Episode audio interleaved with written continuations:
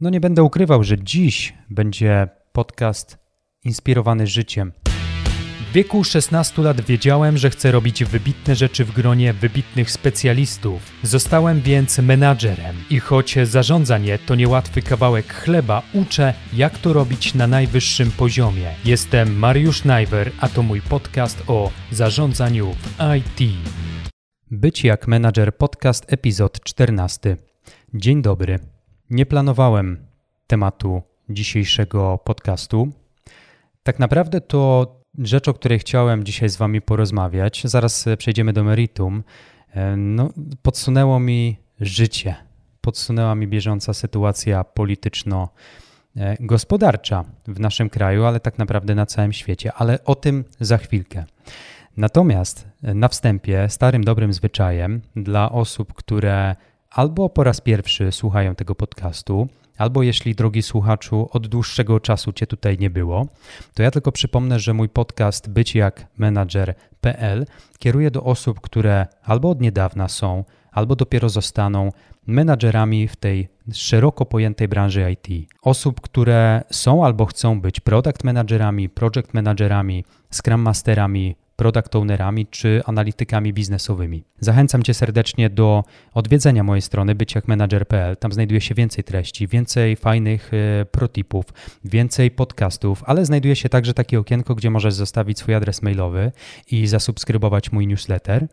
I też od razu zaznaczę, że danych moich subskrybentów nigdy nie wykorzystuję w jakiś e, niecny, do, do niecnych celów, nie handluję tymi danymi, a wykorzystuję tylko te dane, czyli imię i adres mailowy w jednym konkretnym celu, aby od czasu do czasu wysłać newsletter z informacją o nowym podcaście, a jeżeli nie ma nowego podcastu, to z jakimiś protipami, praktycznymi poradami, którymi dzielę się z moimi subskrybentami i e, słuchaczami. Także zachęcam. Dzisiejszy temat ma kontekst, nie ukrywajmy i nie bójmy się tego słowa, kontekst wojenny. W dniu, w którym ja to nagrywam, dokładnie w dniu, w którym mówię te słowa, mamy 21 dzień inwazji Rosji na Ukrainę.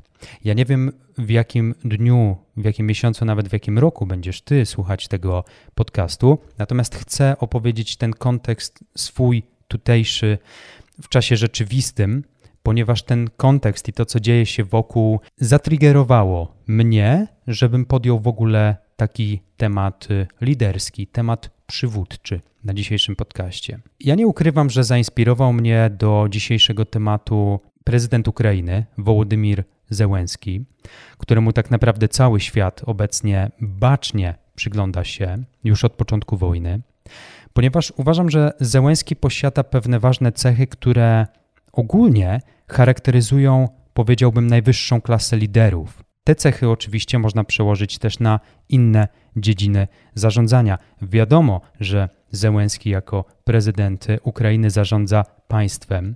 Mój podcast jest o szeroko pojętym zarządzaniu w branży IT, zarządzaniu projektami lub produktami. Natomiast są pewne cechy wspólne dla liderów politycznych, e, krajowych, z cechami, które warto, żeby nieśli ze sobą także menadżerowie średniego i wyższego szczebla w różnych międzynarodowych e, organizacjach. Ja chcę pomóc innym, e, którzy słuchają mojego podcastu, zrozumieć, jaka jest różnica pomiędzy takim, powiedziałbym, zwykłym, standardowym, złym szefem, a prawdziwym, wyjątkowym liderem.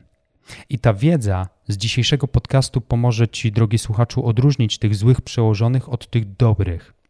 Dzięki czemu, mam nadzieję, unikniesz e, wielu pułapek, chociażby podejmując się zatrudnienia w nowej firmie. I myślę też, że wiedza z dzisiaj pomoże również Tobie stać się lepszym liderem.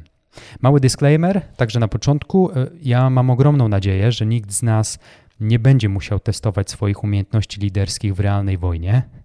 Niemniej jednak, na potrzeby dzisiejszego spotkania, wyobraźmy sobie, że bycie kierownikiem jakiegokolwiek zespołu to takie trochę pole bitwy. Z jednej strony jest nasz zespół, a z drugiej strony nasza konkurencja, która chce nas pogrzebać żywcem na rynku. Dość mocna metafora, ale spróbujmy to sobie wyobrazić, że prowadzenie projektu to jest trochę operowanie na pewnym polu bitewnym. Dobra, opowiem teraz o siedmiu cechach prawdziwego lidera, przywołując przykłady ze stylu zarządzania prezydenta Ukrainy Wołodymira Zełenskiego. I disclaimer numer dwa: wszystko, o czym mówię na swoim podcaście, jest subiektywne i przefiltrowane przez moje doświadczenie, moje postrzeganie pewnych e, rzeczy, które nas otaczają, a także przefiltrowane przez moją czasem bardzo wariacką osobowość. Mam nadzieję, że będzie to do zjedzenia. Akt pierwszy dzisiejszego podcastu. Zanim e, już porozmawiamy sobie o tych pożądanych cechach przywódczych, to wydaje mi się, że muszę powiedzieć najpierw dwa słowa wprowadzenia o samym Wołodymirze Zełęskim. Zełęski został prezydentem po latach spędzonych na scenie jako aktor, jako komik, jako komediant. Ja wiem, że ty być może słuchaczu już o tym wiesz, ale muszę przyjąć założenie, że być może ktoś tak głęboko nie wgryzał się w życiorys Zełęskiego, a kilka faktów z jego życia pomoże nam zobrazować sobie jego postać, nawet jeśli nie śledzimy lub nie śledziliśmy tego e, konfliktu wojennego, chociaż ciężko było tego nie śledzić. Zełenski był także producentem programów telewizyjnych i twórcą scenariuszy. Ja o tym nie wiedziałem jeszcze do czasu, gdy zacząłem robić research do dzisiejszego podcastu. I tych ról, tych zawodów, w które wcielał się Wołodymir Zełenski w życiu zawodowym, było naprawdę sporo, a większość z nich oscylowały wewnątrz szeroko pojętego, skromnego, powiedziałbym, świata show biznesu w Ukrainie. Także bycie prezydentem w przypadku Zełenskiego nijak e, nie pasowało tutaj wizerunkowo do samego Zełenskiego. Ludzie śmiali się z niego, o tym mi także moja narzeczona Tatiana wspominała, która jest e, Ukrainką. Ludzie śmiali się z Zełenskiego, kiedy obejmował urząd prezydencki. Złośliwi zakładali się między sobą, czy jego rządy będą bardziej tragedią czy komedią. Mało kto mógł pomyśleć, że to potencjalnie świetny lider. I to, co wydarzyło się potem, już po tym, gdy Zełenski, e, gdy Zełenski został prezydentem, dużo potem, czyli w czasie tego, co obecnie się dzieje, gdy to nagrywam, w czasie najazdu putinowskich agresorów na Ukrainę, zweryfikowało, jakim naprawdę liderem jest Wołodymir Zełenski. Jego kariera pokazuje nam, że o tym, czy będziesz wybitnym liderem, nie decyduje doświadczenie, a decyduje Twoja osobowość, temperament, charakter oraz pewne cechy, o których dziś sobie opowiemy. To z kolei dowodzi, że na zdrowy chłopski rozum każdy z nas może być wybitnym liderem, jeśli tylko wypracujemy w sobie przywódcze cechy i będziemy je stale rozwijać. Dzisiejsza lista siedmiu cech jest subiektywna, jak wspomniałem, i przefiltrowała przez moje rozumienie roli lidera. Cecha numer jeden. Empatia. Myślę, że wielu liderów, być może to smutna refleksja, ale myślę, że wielu liderów awansowanych jest na kierownicze stanowiska dzięki swoim wynikom lub dzięki długiemu stażowi w firmie, pomimo braku jakiegokolwiek przygotowania lub szkolenia menedżerskiego. I co jest tego rezultatem? Rezultatem takiego podejścia, takiego awansowania jest sytuacja, gdzie mamy później menadżera wydającego rozkazy, a który nie potrafi precyzyjnie komunikować swoich oczekiwań. A stąd już krótka droga do niskich morali pracowników, chociażby, a to przekłada się na obniżoną produktywność i gorsze wyniki. O co chodzi w empatii? Otóż e, w empatii nie chodzi o to, aby być najlepszym przyjacielem dla pracowników. Empatia oznacza pewne współdzielenie się e, swoim ludzkim doświadczeniem z innymi i pokazywanie, że ty także jesteś człowiekiem. Wydawałoby się nic trudnego. Empatyczny lider bywa współczujący, to jest ważne słowo, i dba o potrzeby swoich podopiecznych. Im lepszym człowiekiem jesteś dla drugiej osoby, tym szybciej zapracujesz sobie na czyjś szacunek, a to jest niezwykle ważne w takiej branży kierowniczej, w której się chcemy poruszać. I tak naprawdę zespół, który darzy szacunkiem swojego lidera, to będzie performował jeszcze lepiej, będzie osiągał jeszcze lepsze wyniki, będzie bardziej produktywny, bardziej zaangażowany w swoją pracę. Natomiast wielu Januszy biznesu myśli, że wzbudzi szacunek robiąc groźną minę lub grając tyrana. Spotykałem takich szefów, być może ty też masz podobne doświadczenie, ale tym sposobem, będąc takim Januszem e, biznesu, y, tyranem mm, osobowościowym, te osoby wzbudzą co najwyżej strach albo wystawią się na śmieszność zespołu, i żadne z powyższych nie zbliży ich do bycia e, uznanymi za prawdziwych liderów. Inny ważny aspekt kierowania zespołem to posiadanie, mm, tak się mówi, inteligencji emocjonalnej. Była taka autorka bestsellerowych publikacji o zarządzaniu, Annie e, McKee, i ona napisała kiedyś, że, cytuję, inteligencja emocjonalna to możliwość wykorzystywania emocji, żeby zwiększyć swój oraz czyjś sukces.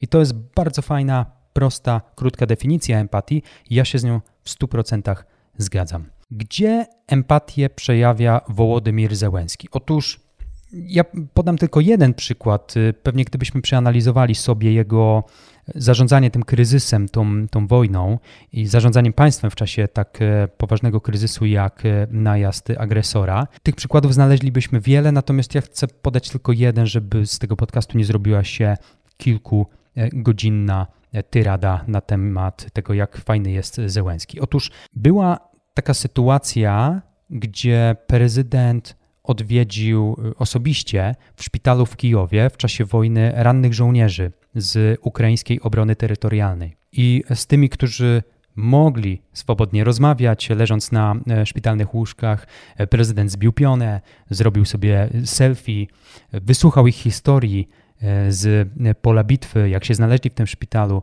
I tym sposobem ja na razie abstrahuję od tego, ile było w tym PR-u, ile było w tym e, marketingu.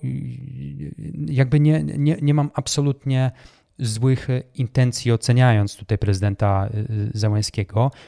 Raczej zwracam uwagę na to, z jaką empatią Mm, z jaką empatią podszedł do sytuacji, w której znaleźli się ranni żołnierze. On osobiście przyszedł, on ich zobaczył. On po chwili wyciągnął medale z wysokim odznaczeniem dla tych bohaterów wojennych i uhonorował każdego z rannych e, żołnierzy. Czego nauczył mnie Zełenski tym gestem? Tym, że to jest przykład lidera, który potrafi postawić się na miejscu swoich podopiecznych, wyobrazić sobie, przez co przeszli, zanim znaleźli się w szpitalu. I mam gdzieś i pewnie ci żołnierze tym bardziej mają gdzieś, ile było w tym PR-u i budowania sobie wizerunku lidera, bo to było po prostu skuteczne, w sensie dla tych ludzi leczących, dla tych e, e, bohaterów wojennych, wizyta prezydenta była czymś niezwykle wyjątkowym. Tak powinien zachować się empatyczny lider. Cecha numer dwa. Cecha numer dwa prawdziwego lidera to pewność siebie. W moim osobistym rankingu Amerykanie powiedzieliby self-confidence. Will Smith zawsze mówi na wielu eventach i mm, rozmowach panelowych, że self-confidence, man, self-confidence. Lider, który chce działać efektywnie, możesz się zgodzić lub nie, ale według mnie musi być wystarczająco pewny siebie i swoich decyzji, żeby inni podążali za jego poleceniami. Nie lubię tego słowa, ale użyję go tutaj.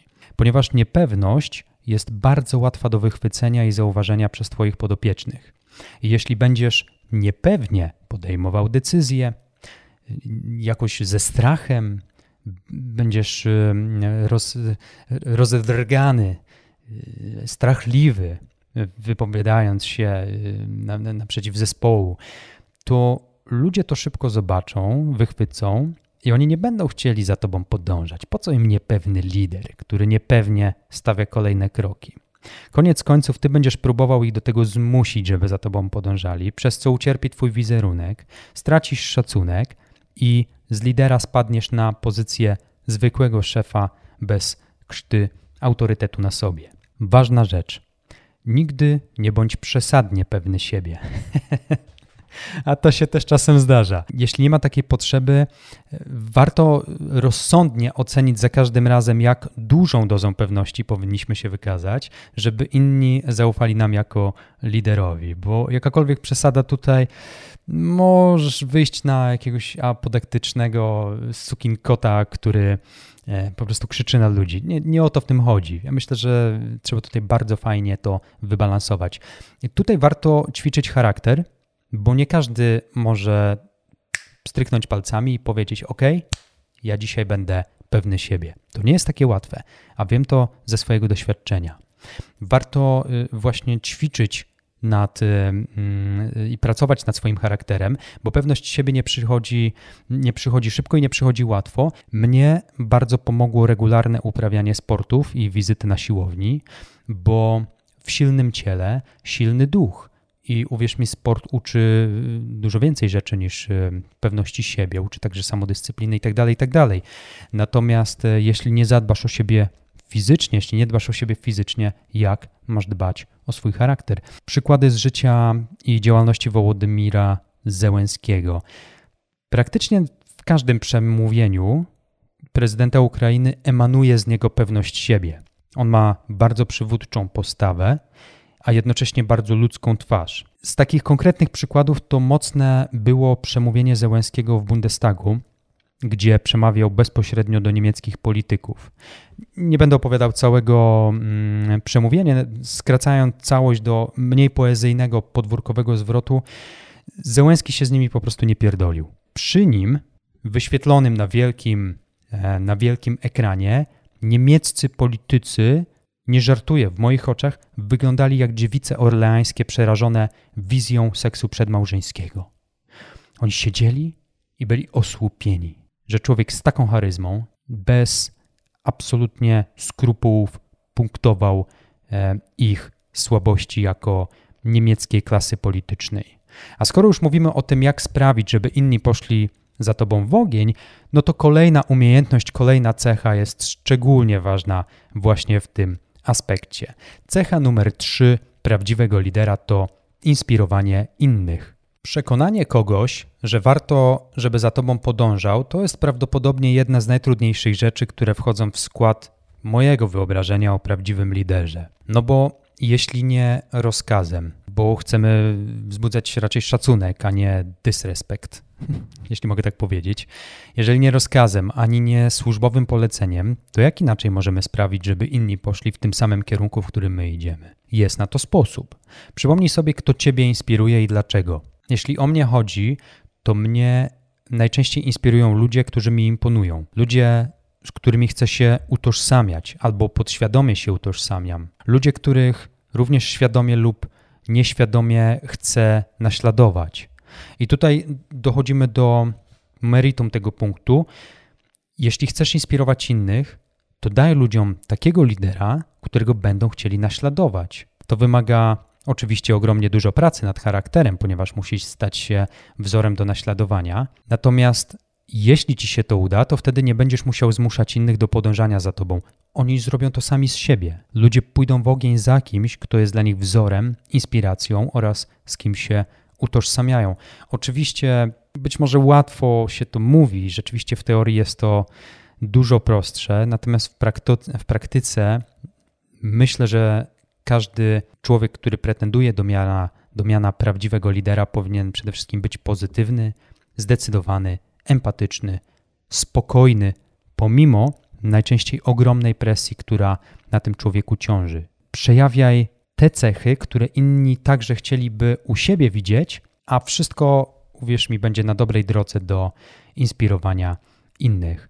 Wołodymir Zełenski inspiruje mnie od dłuższego czasu, wielokrotnie mnie inspirował. Ciężko mi tutaj wskazać konkretny przykład albo sytuację z prezydentem Ukrainy, którą by mnie zainspirował, ponieważ ten człowiek inspiruje mnie oraz pewnie miliony na całym świecie tak naprawdę swoim całokształtem całą swoją postawą, swoim sposobem zarządzania. Natomiast y, obiecałem przykłady, więc sięgnę po jeden, po pierwszy z brzegu. W pierwszym, bodajże w pierwszym tygodniu wojny, Zełenski rozmawiał z prezydentem Stanów Zjednoczonych, Joe Bidenem. Oczywiście tych rozmów w czasie wojny i przed wojną było więcej niż jedna, było mnóstwo, ale ta szczególnie y, rozmowa zapadła mi w pamięć.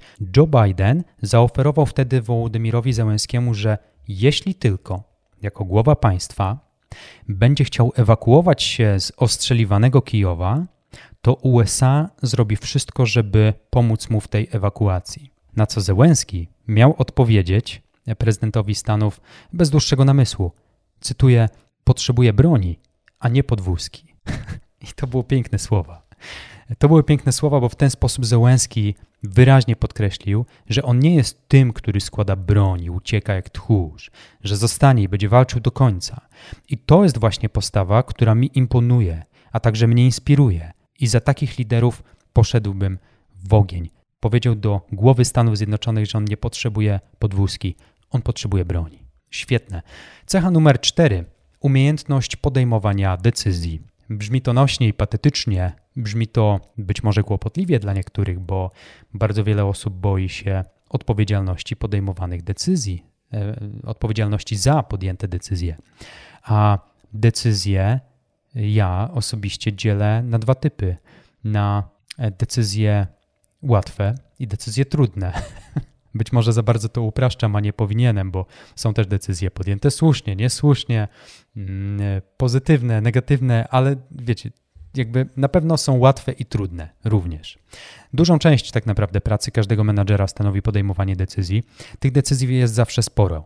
I jeżeli jesteś lub już jesteś y, lub dopiero będziesz menadżerem w jakiejkolwiek firmie IT, to mogą to być decyzje takie jak jakieś drobne ustalenia robocze z zespołem, ustalanie priorytetów krótko, średnio albo długoterminowych dla zespołu, dla produktu, decyzje personalne dotyczące obecnych lub przyszłych członków zespołu, decyzje finansowe, takie jak tworzenie i późniejsza egzekucja budżetu, albo chociażby decyzje produktowe, na przykład dotyczące konkretnych funkcjonalności lub y, zaplanowania dat release'u kolejnych wersji aplikacji. I wiedząc to, lider musi także wiedzieć, jak podejmować decyzje szybko, sprawnie i efektywnie. Część decyzji, tych najbardziej krytycznych, będzie bezpośrednio wpływać na cały zespół i organizację. Dlatego podejmowanie decyzji kojarzyć może się z panem w garniturze, który siedzi przy biurku i mówi tak albo nie. Zgadza się albo się nie zgadza e, na coś z czym przychodzą do niego ludzie. Otóż umiejętna decyzyjność jest jednak trochę bogatszym y, pojęciem, ponieważ poza przyszłościową wizją, którą powinien mieć nasz lider i komunikować ją innym, to musi też potrafić podejmować odpowiednie decyzje i uwaga, kiedy? W odpowiednim czasie. Ponieważ ta sama decyzja podjęta w innym czasie może przynieść zupełnie inny efekt, lepszy lub gorszy. Podam Tobie przykład. Załóżmy, że musisz podjąć decyzję produktową i określić, zdefiniować cenę jednego z Twoich produktów na kolejny kwartał. Musisz yy, powiedzieć zespołowi, ile ten produkt będzie kosztował końcowego użytkownika w następnym kwartale. I teraz tak, wiesz, że jest inflacja. Wiesz, że jak nie podniesiesz ceny teraz, to produkcja będzie wkrótce mało rentowna dla waszej firmy. Wiesz też, że sprzedaż tego produktu i tak Wam ostatnio spadła, podwyższenie ceny wcale pewnie temu nie pomoże. I teraz zastanawiasz się, o ile powinieneś podnieść cenę produktu, ale żeby nie wkurzyć stałych klientów. Zastanawiasz się też, co mógłbyś dać klientom jako pocieszenie, jako wartość ekstra w związku z tym, że cena za ten produkt uległa zmianie, poszła w górę. I teraz jako menadżer musisz określić, kiedy podniesiesz cenę tego produktu. Jak zrobisz to za wcześnie i nowa cena okaże się za mała, to może się też okazać, że będziesz musiał podnieść cenę jeszcze raz w krótkim okresie czasu i zafundujesz e, klientom dwie podwyżki pod rząd. A jak zrobisz to za późno, za późno podniesiesz cenę, no to organizacja może stracić na tym bardzo dużo pieniędzy albo wyprzedzić cię konkurencja która, nie wiem, ugra jakoś na tej sytuacji, że ty podniosłeś ceny za, mm, za późno y, i popadłeś, nie wiem, zadłużyłeś na przykład organizację, ponieważ e, sprzedaż produktu przez jakiś czas nie była rentowna. Wiele się może wydarzyć od tego, nie jaką decyzję podejmujesz, bo na przykład wiesz, że cena musi i tak pójść w górę, ale od tego, kiedy ją podejmiesz. I teraz z drobnych decyzji, które podejmuje się niemal każdego dnia, a nie każdy potrafi to robić, to jest też umiejętność delegowania zadań. E, tutaj jeszcze w ramach tego, e, tej decyzyjności, to jeszcze nie jest kolejna cecha, aczkolwiek jest to pewna taka mikrocecha, o której warto pamiętać. Ja pracowałem w przeszłości z ludźmi, którzy zamiast delegować, wszystko chcieli robić sami. Ale pracowałem też z tymi, którzy zamiast pracować, wszystko delegowali innym. Prawdziwy lider umie to wyważyć, znaleźć, znaleźć balans pomiędzy sprawami, jakimi musi zająć się osobiście, a tymi, które powinien i może oddelegować. Wielu menadżerów podejmuje decyzje samemu. To też jest w ogóle jakiś kuriozum wciąż, chociaż rekomenduje się wszemi wobec, żeby konsultować się często ze stakeholderami przed podejmowaniem kluczowych decyzji, zwłaszcza decyzji produktowych, ponieważ zbyt duża wiara we własną dedukcję, we własny zmysł analityczny naprawdę może ciebie sporo kosztować. Wierzę, że o naszych sukcesach świadczy bilans dobrych i złych decyzji. To jest bardzo menedżerskie podejście. Ja uważam, że słuszne. Bilans dobrych i złych decyzji, jakie my jako menadżer podjęliśmy. Życzę Ci przy tym punkcie, żeby w Twoim bilansie zawsze było najwięcej tych dobrych decyzji. Przykład z życia Wołodymira Zełenskiego ze stylu zarządzania. W niespełna 24 godziny od chwili wybuchu wojny, teraz cofnijmy się do pierwszego dnia, gdy e, Putler najechał Ukrainę, prezydent Ukrainy w ciągu niespełna dnia podpisał wtedy specjalny dekret o tym, że kraj mogą opuścić tylko dzieci, kobiety i starcy, a wszyscy mężczyźni w wieku poborowym 18-60 lat zostali zmuszeni do pozostania w kraju. Ogłoszono wtedy pełną mobilizację. Ja byłem tego dnia na granicy w Korczowej, gdzie z narzeczoną Tatianą czekaliśmy na jej rodzinę, która jechała z Charkowa. Ojciec Tatiany, jej mama oraz dwie młodsze siostry. I w środku nocy, o drugiej bodajże, usłyszeliśmy o tym podpisanym dekrecie. Na początku wielu, tak naprawdę obywateli Ukrainy, miało jeszcze nadzieję, że ich ojcowie, mężowie, dorośli y, synowie, obywateli i obywatelki miały taką nadzieję, że ich właśnie ojcowie, mężowie, dorośli synowie będą mogli uciec jednak przed wojną, a jednak na granicy nie wypuszczano absolutnie żadnych dorosłych mężczyzn. I po ukraińskiej stronie mężowie musieli, wyobraźcie sobie tę sytuację, chociaż być może widzieliście ją także w telewizji, ale mężowie musieli rozdzielać się ze swoimi żonami, zostawiać swoje żony, zostawiać swoje dzieci, przytulić po raz ostatni być może dzieci i wracać z powrotem do swojego kraju, a ich żony brały najczęściej ich auto po to, żeby z dziećmi móc wyemigrować w bezpieczniejsze rejony Europy. I ta decyzja prezydenta Zełenskiego, zauważcie, że ona wpłynęła absolutnie na każdą osobę, na każdego obywatela. Ta decyzja była podjęta w niespełna 24 godziny o tym, żeby taki dekret podpisać. Decyzja była podjęta szybko i wpłynęła tak naprawdę na całe społeczeństwo ukraińskie, a nawet na kraje sąsiadujące, bo przecież dzięki tej decyzji uchodźcami były głównie kobiety i dzieci. Natomiast mężczyźni pozostali w kraju zwiększyli tak naprawdę szanse Ukrainy na wygranie tej wojny i odparcie ataku wroga. Jaką ja lekcję wyciągnąłem z tej jednej decyzji Zełenskiego? Wyciągnąłem taką lekcję, że takich decyzji nie podejmuje się co prawda na co dzień, ale kiedy przychodzi ten moment, to zdajemy sobie sprawę, że umiejętność podejmowania właściwych wyborów szybko i sprawnie, w zależności od kontekstu, może decydować o naszym być albo nie być, a nawet o być albo nie być innych ludzi. Super ważna cecha prawdziwego lidera. Cecha numer 5. Kreatywność i otwarty umysł. Ktoś kumaty kiedyś wspomniał, że tym, co odróżnia lidera od naśladowcy, jest innowacyjność. Ja nie wiem, czy to nie powiedział Steve Jobs, ale mniejsze o to. Jeśli chcemy być tak naprawdę o krok przed naszą konkurencją, to musimy być innowacyjni w tym, co tworzymy, co oferujemy naszym klientom, użytkownikom itd. Tak I jeśli nie będziesz kreatywny jako lider, jeśli nie będziesz miał otwartego umysłu, to jak u licha masz zarażać innych ludzi wokół innowacyjnym podejściem do tego, nad czym pracujesz z zespołem? Nie potrafię sobie tego wyobrazić. Jeśli wypracujesz sobie tę fajną inteligencję emocjonalną, o której już dzisiaj wspominaliśmy, to zawsze będziesz otwarty na nowe pomysły. I dobry lider zawsze wspiera kreatywne inicjatywy, jakie pojawiają się w jego zespołach wśród jego podopiecznych. Myślenie poza szablonem, łamiąc schematy i przyzwyczajenia. To jest coś, co pozwoli Tobie jako liderowi oraz Twojemu zespołowi wyróżnić się na tle Waszej konkurencji. To odważna teza, ale ja twierdzę, że łebski lider zamiast wiecznie podtrzymywać status quo, zawsze będzie próbował je podważyć, zanegować to, co mamy dziś, żeby poszukać czegoś lepszego, jeszcze fajniejszej, jeszcze bardziej efektywnej i jeszcze bardziej biznesowo sensownej alternatywy do tego, z czym dealujemy dzisiaj. Nie zawsze to muszę powiedzieć, pierwotnie dobre pomysły dadzą dobre efekty. W byciu kreatywnym bowiem i pewnym otwartym umyśle na nowe pomysły trzeba liczyć się z tym, że po drodze popełnimy trochę błędów.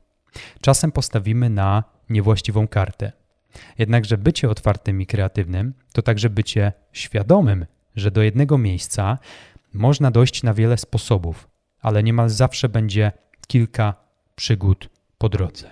I myślę, że prawdziwy lider wspiera członków zespołu w podnoszeniu i dyskutowaniu ciekawych idei czy pomysłów na usprawnienia, bo jeżeli twój szef, twój lider gasi twoje pomysły niejednokrotnie, to zmień tę robotę. Sięgnijmy po przykład od prezydenta Zełenskiego. Wiecie, była taka jedna sytuacja, ja to wpasowuję jakby w cechę kreatywności, bo wydaje mi się, że było w tym dużo kreatywności i pewnego otwartego umysłu.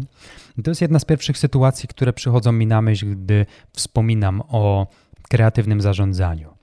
Otóż Władimir Putin w czasie wojny schował się gdzieś w schronie. Nikt nie wiedział kompletnie, gdzie jest. Nawet teraz, kiedy to nagrywam, nikt nie, nie ma pojęcia, gdzie ten tchórz się chowa. Jednocześnie propaganda putinowska, gdy Putin przemawiał, chciała za wszelką cenę pokazać, że Putin jest blisko swoich dowódców, że on jest wręcz obok, obok nich, że on z nimi zarządza.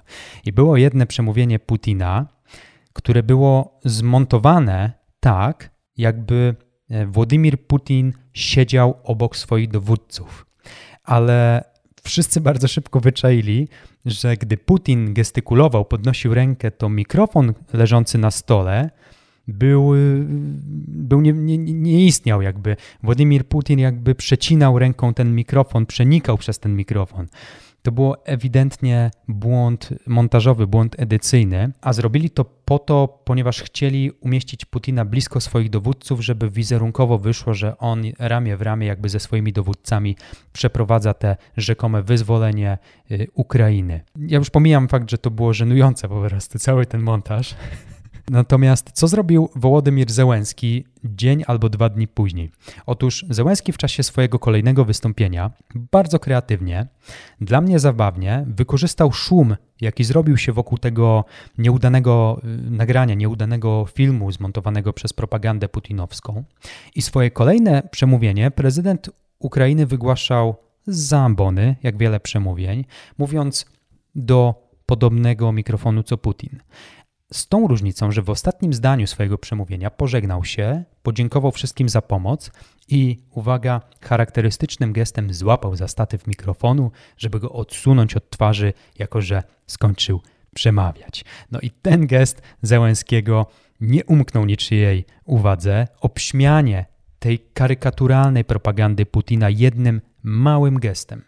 Gestem, który zdisował wystąpienie rosyjskiego prezydenta bandyty wymagało właśnie tej nutki kreatywności, tej kropli y, otwartości, tej, tej otwartej głowy, ale także poczucia humoru, które wzbudza, myślę, jeszcze większą sympatię ludzi do Zełenskiego jako lidera. A kolejna cecha, o której chcę wspomnieć, jest także powiązana z tym przykładem, ponieważ chodzi o cechę numer 6 charyzmę oraz bardzo dobrą komunikację. Przykładowo, jeśli komunikujesz zespołowi, jaki jest cel, który chcecie osiągnąć, to nie wystarczy tylko o tym powiedzieć. Komunikowanie zespołowi celu, który chcecie wspólnie mm, zdobyć, to jedno, ale sprawienie, żeby ludzie rzeczywiście Cię wysłuchali i chcieli ten cel wspólnie z Tobą zrealizować, to już zupełnie inna para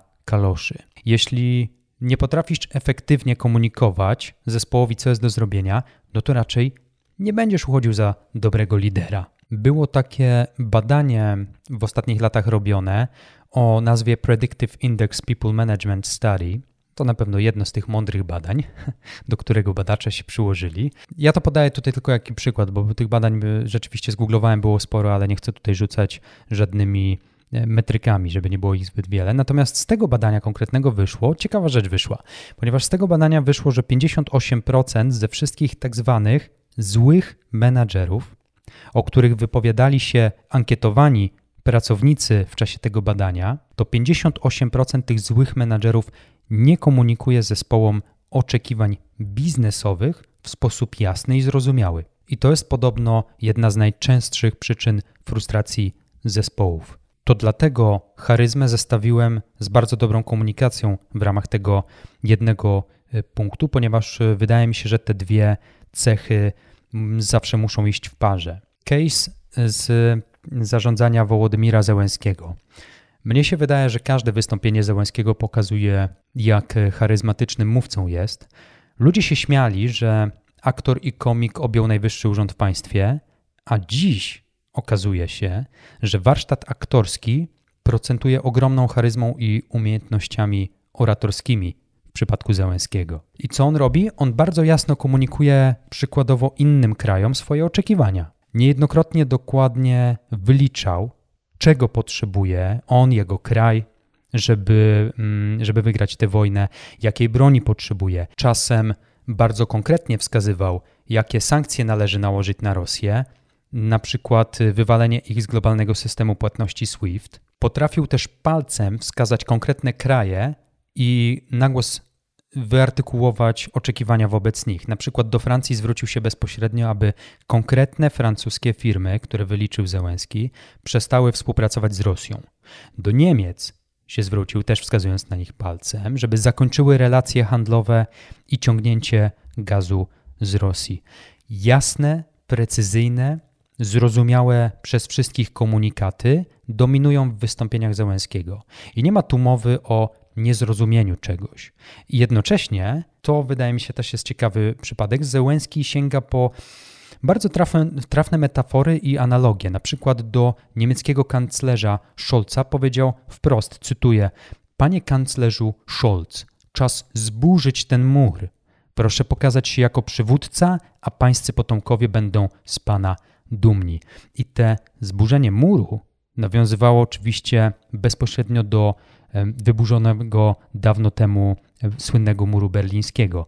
Bardzo fajna y, metafora i w bardzo fajnym kontekście, gdy zwracał się właśnie do niemieckiego kanclerza Zełenski. Y, charyzma i komunikacja Zełenskiego przynosiła i gdy to nagrywam, wciąż przynosi rezultaty, ponieważ kolejne państwa włączają się w pomoc na rzecz Ukrainy. Wiele z tych próśb czy wręcz żądań powiedzielibyśmy w branży IT, wymagań biznesowych Zełenskiego zostało zrealizowanych. I jednocześnie te kraje, które włączają się w pomoc, także zaczynają grać według y, pewnej takiej melodii Zełenskiego, sankcjonując Rosję za tę agresję. Skuteczny lider to charyzmatyczny lider, który bardzo dobrze komunikuje swoje wymagania. Cecha numer 7, bardzo króciutko, już będziemy kończyć. Uważam, że dobrzy liderzy, prawdziwi liderzy nie obejdą się bez tych dwóch rzeczy, mianowicie poświęcenie i pasja. Myślę, że osoby, które poświęcają się czemuś, do czego kompletnie nie mają pasji, nigdy nie będą szczęśliwi. A nieszczęśliwy lider to jedna z gorszych rzeczy, jakie, mo może, jakie mogą przytrafić się podopiecznym. Pasja i poświęcenie to coś, co w świecie biznesu odróżnia prawdziwych miłośników zarządzania od dorobkiewiczów dużych korporacji, od korporacyjnych szczurów. Ja nie czuję większej potrzeby, żeby wyjaśniać lub definiować na nowo, czym jest poświęcenie i pasja. Wydaje mi się, że oba te pojęcia, ja i ty, drugi słuchaczu, rozumiemy podobnie. Natomiast y, już y, odbijając do przykładu Wołodymira Zełenskiego, on poświęcił, jak spojrzymy na jego życiorys, bardzo fajną, nieźle rokującą karierę w mediach jako reżyser, aktor, scenarzysta czy dyrektor programowy na rzecz babrania się w gównianej, skorumpowanej polityce Ukrainy. Złośliwi powiedzą, że dzięki polityce można nakraść jeszcze więcej albo zarobić jeszcze więcej, ale jeśli to pieniądze byłyby prawdziwą motywacją prezydenta Ukrainy, zanim został prezydentem, to raczej nigdy nie broniłby Kijowa tak, jak robi to dziś, gdy to nagrywam. Nie broniłby też reszty kraju, bo zamiast tego bardziej kasowym posunięciem byłoby pójść Putinowi na ustępstwa, czego jednak nie zrobił. I za to mu chwała, bo tak według mnie działa i pracuje prawdziwy lider skutecznie, nieustępliwie, niezależnie, w imieniu wszystkich i dla wszystkich swoich podopiecznych. I to tyle na dziś. Taka lista cech prawdziwego lidera mogłaby być oczywiście dłuższa. Ja wybrałem moim zdaniem te najważniejsze cechy. Natomiast jeśli uważasz, że jest coś, o czym powinienem był dzisiaj wspomnieć, to sekcje komentarzy na moich socjalach, Instagramie, YouTube, blogu byciakmanager.pl, na Facebooku. Te sekcje komentarzy są oczywiście dla Ciebie. Dziękuję też z góry za wszystkie konstruktywne opinie dotyczące mojego podcastu. Zapraszam do zapisania się na newsletter albo do konsultacji jeden na jeden lub przeanalizowania Twojego CV pod kątem skuteczności. Więcej e, szczegółów w zakładce konsultacje na byciakmanager.pl. Od razu będę zabierał się za realizację kolejnego podcastu, bo lista zaparkowanych tematów od e, ciebie lub też innych słuchaczy jest dość długa. Długa jak z Wrocławia do świątyni Opatrzności Bożej w Warszawie. Także do usłyszenia wkrótce. Dbaj o siebie i innych. Cześć.